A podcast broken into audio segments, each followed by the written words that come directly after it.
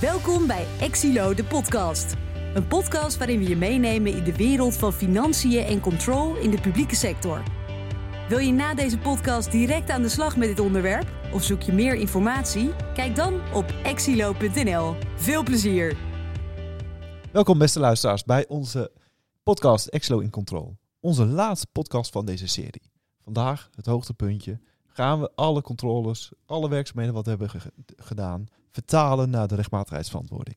Bij mij aan tafel Ricardo en Rogier. Ik ben zelf Erik Koster. En laten we beginnen. Jongens, heren, hoeveel, welke rapportages heb je nou als FIC? Hoe doe je dat? Je hebt alles gecontroleerd. Je hebt hoor en wederhoor uit toegepast. Je hebt feitelijk alles afgestemd. Nou, nu heb je het salarisproces. Je hebt daar een bevinding. En dan? Nou ja, ik zou beginnen eigenlijk waar we de vorige keer geëindigd zijn. En dat is met eh, de, misschien wel een hele belangrijke, de rapportage aan de proceseigenaar. Van hé, hey, ik heb een bevinding en nu? Eh, nou, leidt dat tot een aanbeveling om je proces te verbeteren? Leidt dat tot een ander soort aanbeveling? Eh, dus ik denk dat dat eigenlijk op het, nou ja, ik noem het maar het eh, meest primaire niveau de rapportage is. Eh, voordat je dan eh, steeds wat verder eh, eh, aggregeert naar een, eh nou ja, paragraaf bedrijfsvoering, overal rapportage, een eh, rechtmatigheidsverantwoording. Nou, En hoeveel rapportages zie je dan voor je, Rogier? nou ja, dat hangt er vanaf hoe je dat zelf organiseert. Ik zou, eh, eh, als je aan mij vraagt, zou ik Mhm. het in één rapportage doen. Eén totaalrapportage, waarin je misschien in, in je bijlagen zeg maar, de bevindingen per proces of zo ordent. En dat je die kunt afstemmen met de proceseigenaar. Ik zou er een beetje voor willen waken om eh eh 10, 15 verschillende rapportages te maken. Dan raak je ook een beetje het overzicht kwijt en ben je ook voor een deel steeds hetzelfde aan het doen. Ja, dus we beginnen met een rapportage intern, denk ik. Ja. Voor proceseigenaren. Zou ik wel doen. Hè? En dat kun je doen langs de, de uh, aloude BRAM-methode. Bevinding, risico, uh, aanbeveling en een managementreactie. Ja. Dan uh, heb je het heel compact in een rapportage gevat. En dwing je ook af dat je van elke rapportage gelijk vastlegt of die wel of niet...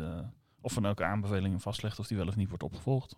Ja, ja. en stel nou, hè, het salarisproces, we hebben dus geconstateerd, hè, we hebben een bevinding, financieel ook. Hè, er is iets fout gegaan in de uitbetaling van salaris. Ja. Hoe, hoe vertalen we dat in die rapportage? Nou ja, dan moet je eerst even de vraag stellen van ja, maar wat was dat dan voor bevinding? Als het een financiële bevinding is, was het waarschijnlijk een gegevensgerichte controle. Oké, maar uh, ja, was dat dan een fout die uh, op zichzelf stond? Of was dat een fout die misschien vaker uh, had kunnen voorkomen in de populatie die je onderzocht? Dus dat is denk ik de eerste stap. Je wil wel eerst weten van ja, hoe groot is nou mijn eigenlijke bevinding? En dat is voor een deeltje die feitelijke bevinding, maar misschien moet je die ook wel extrapoleren over de hele populatie of een deel van die populatie. En, en, en het belangrijkste daarbij is, doe goed onderzoek naar waar is die fout ontstaan en waarom is die fout ontstaan. Want dat is de enige manier waarop je later kunt zeggen van ja, dit is een fout die op zichzelf staat. Of dit is een structurele fout.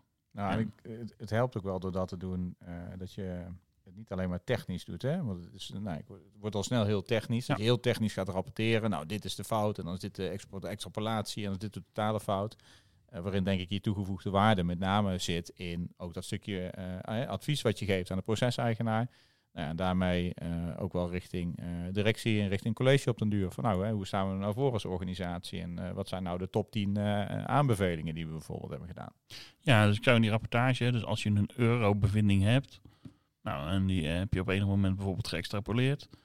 Ja, de, de aanbeveling gaat natuurlijk nooit over die eurobevinding. Hè. Die aanbeveling gaat over, oké, er is een fout ontstaan. Die is ontstaan doordat er iets in het proces niet is goed gegaan. Dus de aanbeveling zal altijd zitten in de sfeer van, uh, nee, je moet iets in het proces anders inrichten. Ja, en kunnen we het zeggen van de euro's gaan over de historie eigenlijk, hè? van wat is geweest. En de aanbeveling gaat over de toekomst. Ja, ik vind dat wel mooi gezegd. Ik denk dat dat een hele mooie, uh, nou ja, een hele mooie uitspraak is die, uh, wat echt zo is. Ja, ja. Gelukkig dat je met me eens ja, bent. Fijn, ja, echt. Gebeurt niet vaak. Nee, nee en ik denk ook, hè, want het is belangrijk, hè, we hebben het ook, hè, we werken toe naar de rechtmatigheidsverantwoording. Hè, dus ja, als ik daar zou zitten, ik denk, een rapportage gaat ook naar directie, lijkt mij.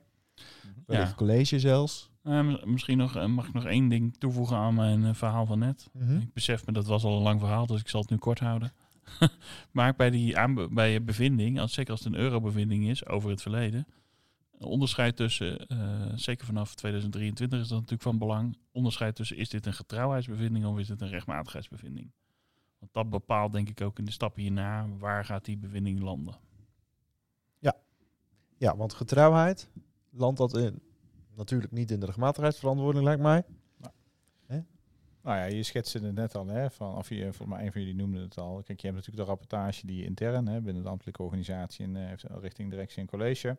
Ehm, en je hebt natuurlijk de verantwoording die je extern doet daarover. En eh, daar heb je de rechtmatigheidsverantwoording voor en de paragraaf bedrijfsvoering. En daar heb je, als het goed is, in je financiële verordening eh, afspraken voor gemaakt. Dus bo- nou, is het, eh, de, verantwoordingsgrens die je hebt, dus tussen de 1 en de 3 procent. Je hebt daar potentieel ook afspraken gemaakt over een rapportagetolerantie. Dus boven welk bedrag rapporteer je in de paragraaf bedrijfsvoering. Ja, dat is wel een andere rapportage natuurlijk weer als je je, ja, je totaalrapportage vanuit de FIC die je hebt uitgevoerd. Ja, dus eh, zorg dat je het onderscheid kunt maken tussen getrouwheid en rechtmatigheid en plak daar de grenzen tegenaan zoals je die helemaal in de voorbereiding van de rechtmatigheidsverantwoording al hebt bepaald in de financiële verordening. Ik denk wel, hè, hier hebben we het iets over. Nou, dit is echt wel iets nieuws, hè, wat je nu moet doen als FIC. Ja. Hè, ja, misschien deed je het al wel, is niet zo nieuw, maar we zien veelal, dit is het nieuwe. En waar gaat het over? Rechtmatigheidsverantwoording. Je moet zelf, moet je een oordeels vormen. Je moet zelf, moet Ja. je die afwegingen gaan Ja. maken. Dat, ja, daar gaat het over. En dat is ook het moeilijkste stukje, denk ik. Hè? Ik bedoel, het, het, het controleren of een factuurrekenkundig juist is of dat de goede persoon hem heeft geautoriseerd. Ja, dat is eh, redelijk zwart-wit. Dat is goed of niet goed. Maar de, de, de conclusie daarover trekken en het evalueren van die fout naar... eh, ja, wat zegt dat nou over die totale massa? Dat is denk ik het ingewikkelde. Ja, en ik denk ook, hè, juist het, nou, hè, die evaluatie van die fout en het uitzoeken. Hè, vaak wordt er, tenminste, vind ik iets te snel gezegd, joh, het is, eh, het is gewoon een fout, punt. Ik eh, gooi hem, extrapoleer hem over de hele massa en er komt een eh, bedrag uit. Nou, misschien moet je juist wel extra aandacht besteden aan die fout of aan de onduidelijkheid. Om na te gaan, ja, waardoor komt dat nou? Waar hebben we het nou over? En kan ik dit ook echt isoleren? Hè? Heb ik een heel klein stukje van mijn populatie? Heb ik alleen maar de, de arbeidskrachten jonger dan 18 jaar... die toevallig, de, nou, ik noem wat...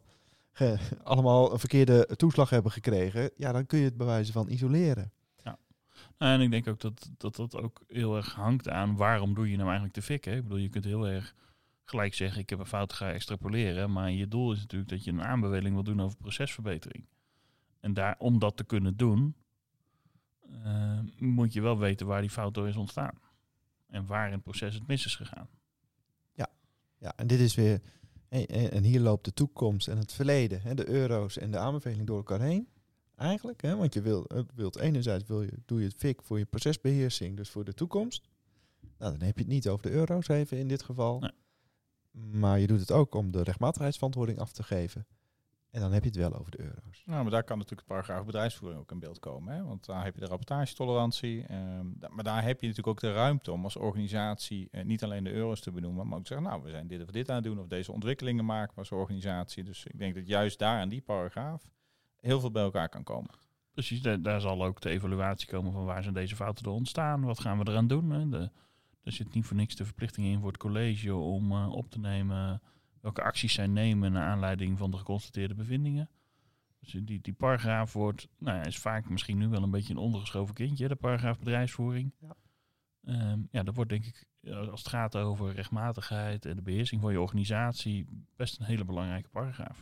Ik ben wel heel benieuwd hoe zich dit in de praktijk gaat, eh, gaat ontwikkelen. Dus ik, denk, eh, ik, ik ben helemaal voor het voornemen. Dat is ook wat je hoort. En je denkt, nou oké, echt dat betere gesprek. Echt die transparantie, of, eh, transparantie in je verantwoording. eh, ook in het gesprek onderling. Nou, en ik hoop ook dat we dit nou ja, ook wel op die manier weten door te zetten. En dat het niet weer, weer zoiets is van, nou goed idee. En dan langzaamaan aan het afschalen is naar een soort standaard formatje wat iedereen gaat opnemen. Van nou, hè, we hebben deze drie acties ondernomen en dit zijn de fouten, punt. Ja. Nou, ik denk dat vooral de eerste, het eerste jaar natuurlijk de- dat je daar heel veel verschillen in gaat Ja. zien. En daar gaan natuurlijk de extreme beide kanten op. Hè. De organisaties die zo min mogelijk zullen opschrijven of willen opschrijven. En organisaties die dat heel uitgebreid doen. En zo langzaam verwacht ik dat zich dat een beetje zal uitvlakken. Maar de kracht zit er inderdaad wel in om te voorkomen dat het een soort eh, eh, nou ja, check-the-box actie wordt en je elk jaar maar gewoon de paragraaf kopieert van het jaar ervoor, de getalletjes aanpast en dat is het. Ja. Ja, ja zeker. zeker. En, en eigenlijk, hè, als je er naar kijkt, hè, je hebt je interne rapportage, hè, vaak over de uitkomst over een heel jaar. Nou, eigenlijk zal die de basis moeten zijn voor je paragraaf bedrijfsvoering en voor uiteindelijk de rechtmatigheidsverantwoording. En dus hoe beter jouw interne rapportage is, Ja. daarmee leg je al de basis voor je paragraaf bedrijfsvoering volgens mij. Ja, je zou bijna kunnen zeggen, denk ik, hè, de paragraaf bedrijfsvoering en de rechtmatigheidsverantwoording zijn een soort van samenvatting, bestuurlijke samenvatting van je interne rapportage. Zo zou je het een beetje moeten zien. Ja, met de dimensie politiek. Ja, Ik denk dat dat wel een hele spannende gaat worden. Want eh, de politieke discussies gaan doen, eh, ook vanuit een college richting een raad. Van ja, Ja. wat schrijven we dan op? Hoe schrijven we dat op? Kunnen we die bevinding die we intern hebben wel eh, op die manier opschrijven? Het helpt misschien ook wel om het, die eerste rapportage waar we het net over hadden, om die aan de collegetafel ook wat meer een bespreekdocument te maken. In plaats van dat het een, een hamerstuk is. Nou ja, precies. Ik denk dat de, de rol van de FIC in dat opzicht ook wel gaat veranderen. hè. Van, nou ja, misschien meer het constateren van, eh, van zaken en het rapporteren erover. Maar ook gewoon het kunnen overbrengen en uitleggen. Van oké, we hebben dit nu geconstateerd. Wat zijn de implicaties daarvan? Wat betekent dat voor ons als organisatie? Eh, en, en ook dus met college en directie daar eh, nou ja, het volwassen gesprek over te kunnen voeren. Van hoe gaan wij daarmee om als, als organisatie? Tenminste, dat is een beetje mijn beeld. Maar ik weet niet hoe jullie daar tegenaan kijken. dat zie ik ook. Kijk, en dan zal het mooi zijn dat het ook lukt. Hè? Want nou, in een van onze eerste afleveringen hebben we het ook gehad over de FIC. En dat het eigenlijk niet zo'n populaire functie is. Ja, als je dit hoort, het is toch hartstikke gaaf hè, dat je inderdaad met college en raad eh, nou ja, de- eigenlijk het gesprek voorbereidt en voert over je organisatieontwikkeling en waar loop je risico's en waar zie je kansen in de interne beheersing. Nou ja, en dat je wat verschuift van terugkijken naar vooruitkijken. Ja, Nou, maar ik, dat is het. Ik denk dat het een hartstikke leuke functie is. Hè. Het is bijna een promotieplaatje om eh, te solliciteren op een VIC-functie. Maar Overigens zijn er genoeg vacatures. ja, dat is zeker waar. Nee, maar het is natuurlijk, het is ook eh, hartstikke mooi. Alleen het vraagt wel wat hè, van degene Ja, die daar zit. zeker. We hadden het net al even over technische rapportages en eh, nou, fouten en extrapoleren. Ja, als je het alleen daarover gaat hebben, ja, dan ga je die mensen ook niet meekrijgen. Dus het vraagt echt wel iets van, eh, van de personen die daar zitten. Maar ja, zeker. Ik, volgens mij is het hartstikke leuk Ja. om dat te doen. Ik, Ja. ik denk dat de competenties van het FIC-team, noem ik het maar even, hè, best wel zullen veranderen. Eh, en dan zul je altijd in zo'n team eh één of twee mensen moeten hebben die wat meer aan die technische kant zitten. Maar je zult zeker ook de komende jaren meer aandacht moeten hebben voor ja, het competentie, eh, het kunnen vertellen en overdragen van wat je hebt gedaan en waarom je dat hebt gedaan. ja, ja, ik vind het mooi dat je het ook een team noemt, Rogier. Want als ik er zo naar kijk, dit vind je niet in één persoon. Nee, dat zal eh, heel lastig zijn, denk ik. Ja, ja. En dat maakt het ook wel, ja, dat maakt het ook mooi, hè. Dus dat ik denk ook, hè, het is richting gemeentes en organisaties goed om dat te beseffen. Het gaat echt wel, dit is, wordt echt wel een team. Ja. Hè? Oh, dit vinden we belangrijk met elkaar, dit is niet voor niks. Is dit in het leven geroepen, rechtmatigheidsverantwoording, om ook de interne beheersing van, van de publieke organisatie, van Precies. publieke geld te verbeteren. Dus ik denk ook als je die weg opgaat, dat je die verandering door zult maken. Ja. En eh, ongetwijfeld zullen er ook organisaties zeggen, ja, we willen het eh, eh, nou ja, met zo weinig mogelijk verandering doen. Dus we houden het heel beknopt. Ja, dan zul je ook zien dat je iets minder aandacht misschien hebt voor die procesverbeteringskant. Het is ook wel, nou, dat is de andere kant. Het is ook voor straks richting raad. En de gemeenteraad moet hier ook natuurlijk in groeien. Ja.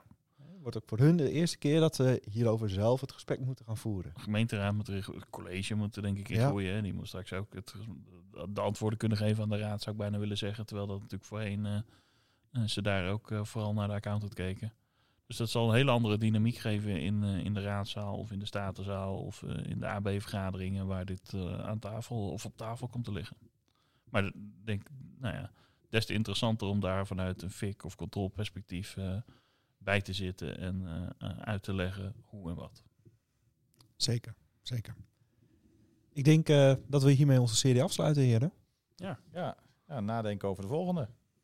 Als er nog goede tips zijn eh, van luisteraars, dan eh, hou ik me aanbevolen. Ja. ja, ik merk dat het wel leuk is om toch eens even bij zo'n onderwerp wat langer stil te staan. En we meer in, met wat meer diepgang over de verschillende onderwerpen en onderdelen nou ja, van gedachten te wisselen zonder dat er altijd een goed en fout in zit. Maar ik hoop dat onze luisteraars dat ook zo ervaren hebben. Nou ja, wa- wa- wat ik wel heel leuk vond, waren dat we een aantal keer een luisteraarsvraag krijgen. Ja. Dat maakt toch wel dat je een soort eh, andere dynamiek hebt. Hè. Soms, nou, je praat tegen zo'n microfoon en je denkt, ja, tegen wie ben ik nu aan het praten? Dus, eh, nou ja, ik denk ook wel richting de luisteraars van echt, eh, ja, hartstikke leuk dat jullie luisteren, maar dat je ook eh, actief eh, eh, participeert. Precies, blijf dat ook vooral doen. Dus. Ja, maakt Ja. het voor ons leuk en soms ook wel eh, verrassend eh, als Erik weer met een luisteraarsvraag komt. Die denkt, oh, eh, Heel goed, jullie hebben het goed gedaan, heren.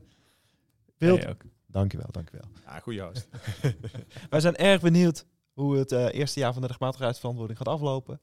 We gaan ook benieuwd eh, naar de praktijk, naar de voorbeelden, waar we tegenaan lopen, waar jullie tegenaan lopen. En misschien ook gelijk een oproep, hè, als er een organisatie is die het leuk vindt om er een keer over te vertellen, hun ervaringen, eh, ja, neem gerust contact met ons op. Eh, neem graag een keer een podcast met jullie op.